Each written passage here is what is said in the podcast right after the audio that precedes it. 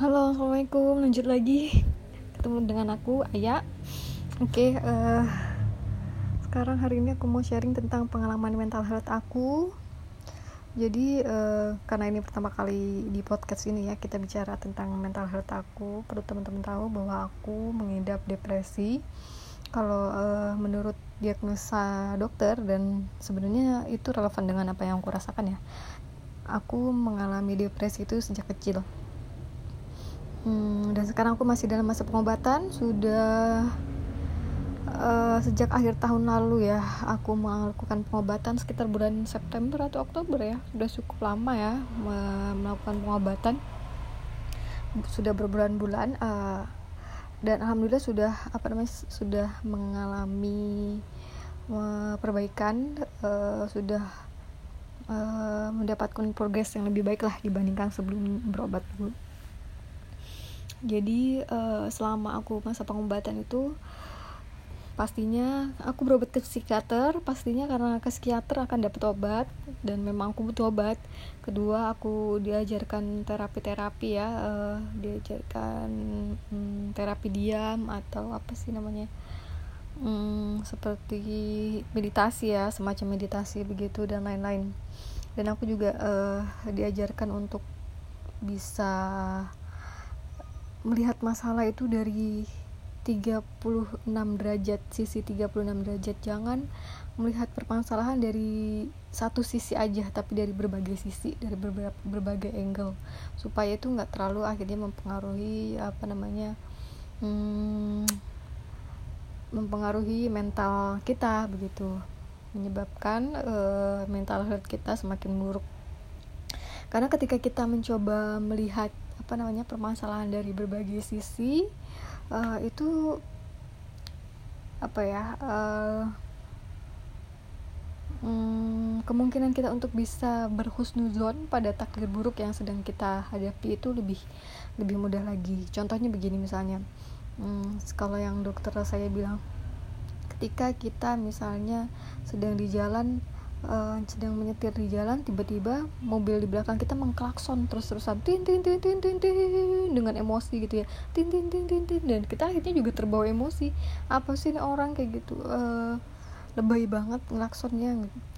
mungkin kita kalau melihat dari perspektif kita sendiri sepertinya itu berlebihan ya mengklakson di jalan dengan nada yang terus-terusan dengan nada yang tinggi gitu. Bahkan mungkin sampai emosi begitu tapi kalau kita coba lihat dari sisi lain dari perspektif lain atau mungkin dari uh, kalau dalam Islamnya itu bisa mendorong kita bi lebih bisa berhusnuzon ya tadi yang saya bilang.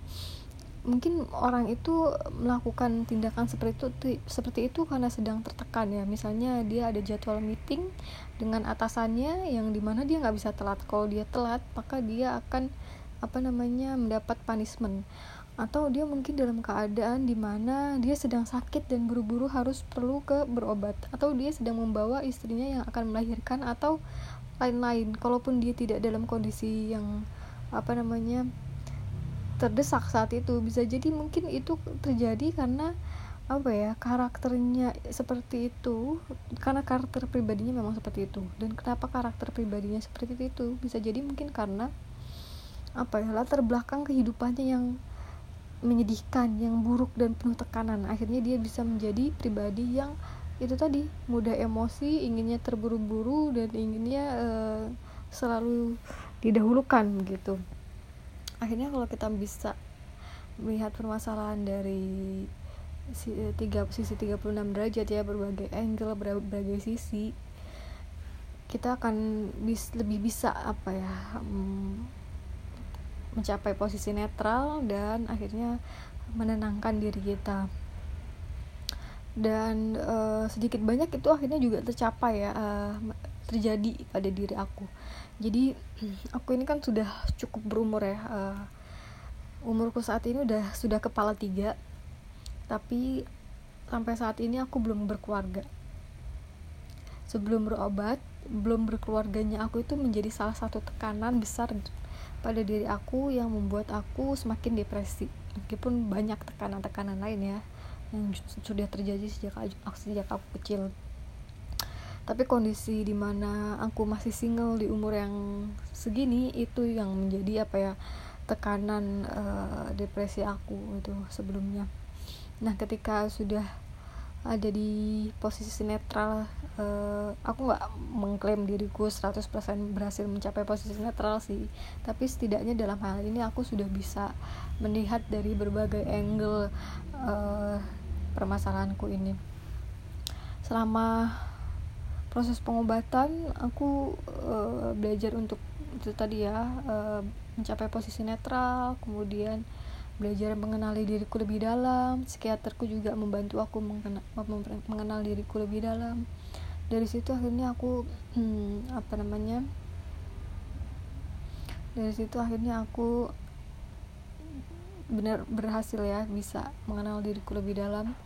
Dan ada satu hal yang akhirnya aku sadari bahwa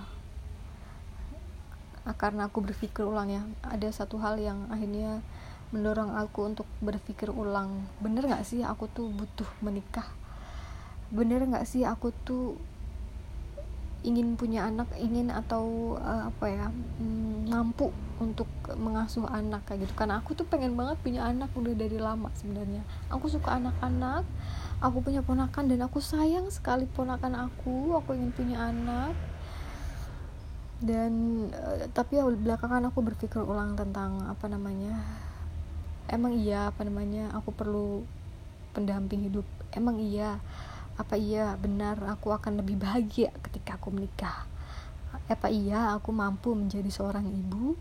Dan pertanyaan yang terakhir yang aku coba pikir ulang adalah tentang apa iya aku nggak mau menjadi poligami? Apa iya poligami itu akan pasti membe membebani kondisi psikologisku. Jadi sebelumnya sebelum aku berobat aku juga berkali-kali mengalami uh, kekecewaan kekecewaan uh, dalam relationship dengan laki-laki ya. Dan di situ um, dari kecewa kekecewaan kecewaan itu membuat aku merasa aku nggak mau dipoligami. Aku nggak mau dipoligami dan uh, yang ada di pikiran aku adalah poligami pasti akan merusak psikis aku merusak mental health aku. Nah tapi setelah berobat akhirnya aku berpikir ulang.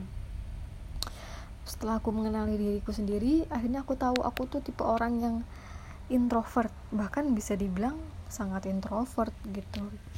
Saking introvertnya di masa pandemi ini yang kita sering di rumah orang-orang stres di rumah aku justru menikmati masa-masa di rumah ini. Aku merasa apa ya bahkan uh, ketika meeting virtual pun itu menjadi beban bagi aku ya. Jangankan bertemu bertatap muka dengan orang-orang dalam keramaian bertemu dalam virtual aja itu menjadi beban gitu. Karena aku lebih senang sendiri aja gitu. Bah, apa namanya mengisi energiku dengan menyendiri begitu. Bahkan dulu aku ketika masih ingin-inginnya menikah ya sebelum berobat itu aku bahkan terpikir untuk nanti kalau udah nikah tetap nih aku harus punya kamar sendiri. Untuk apa? Untuk aku bisa me time. Karena aku adalah orang yang sering kali butuh waktu untuk sendiri. Entah itu ada masalah entah itu sedang baik-baik saja aku sering butuh waktu untuk sendiri tidak diganggu. Nah begitu. Itu sebelum aku ini loh apa namanya berobat dan masih ingin menikah tidak mau dipoligami aku sudah berpikir seperti itu. Nah setelah akhirnya aku berobat mengenal diriku sendiri dan me mencapai posisi netral aku akhirnya berpikir ulang Mbak iya aku benar-benar butuh suami. So far aku bisa dan bahkan menikmati hidup sendiri. Aku baru menyadari aku nikmat merasa menikmati kok hidup sendiri. Dan selain itu apakah aku mampu menjadi seorang ibu? Aku tuh aku adalah seorang pekerja untuk teman-teman tahu ketahui. Aku adalah seorang pekerja yang uh, sering kali lembur bahkan di weekend lembur aku sering bekerja tengah malam uh, seperti teman-teman juga tahu aku masih punya mental illness yang dalam pengobatan. So I don't think so aku bisa mampu uh, menjadi seorang ibu ya. Aku nggak bisa ngebayangin dengan tekanan tuntutan pekerjaanku yang sekarang ini. Kemudian aku harus sambil mengasuh anak sambil menyusui misalnya atau sambil hamil aku nggak kebayang aku nggak yakin aku mampu. Dengan pekerjaanku yang sekarang aja aku sudah merasa berat ya apalagi kalau aku nanti harus sambil mengurus anak aku nggak tak nggak yakin sih aku mampu. Jadi aku pikir apakah aku bisa apakah aku mampu? Dan kalau aku pikir akhirnya rasanya itu berat. Dan konsekuensinya juga berat tanggung jawabnya berat. Aku rasa akhirnya aku pikir menjadi atau menjadi seorang ibu atau memiliki seorang anak itu bukan bukan suatu keharusan untuk aku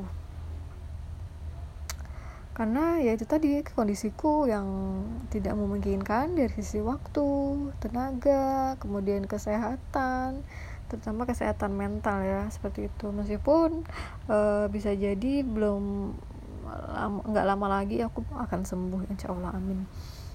Begitu juga dengan poligami ya terkait poligami akhirnya aku berpikir ulang lagi kalaupun akhirnya ditakdirkan untuk menikah apakah benar poligami itu akan membebani psikis aku kemudian aku berpikir ulang rasanya hmm, poligami justru menjadi hal yang menang, menyenangkan bagi aku belakangan ini ya. Kenapa? Karena aku sebagai orang yang sangat menikmati kesendirian aku yang sangat menikmati kesibukanku dalam bekerja justru justru akan sangat terbantu akan sangat senang dan terbantu apabila suamiku memiliki istri kedua.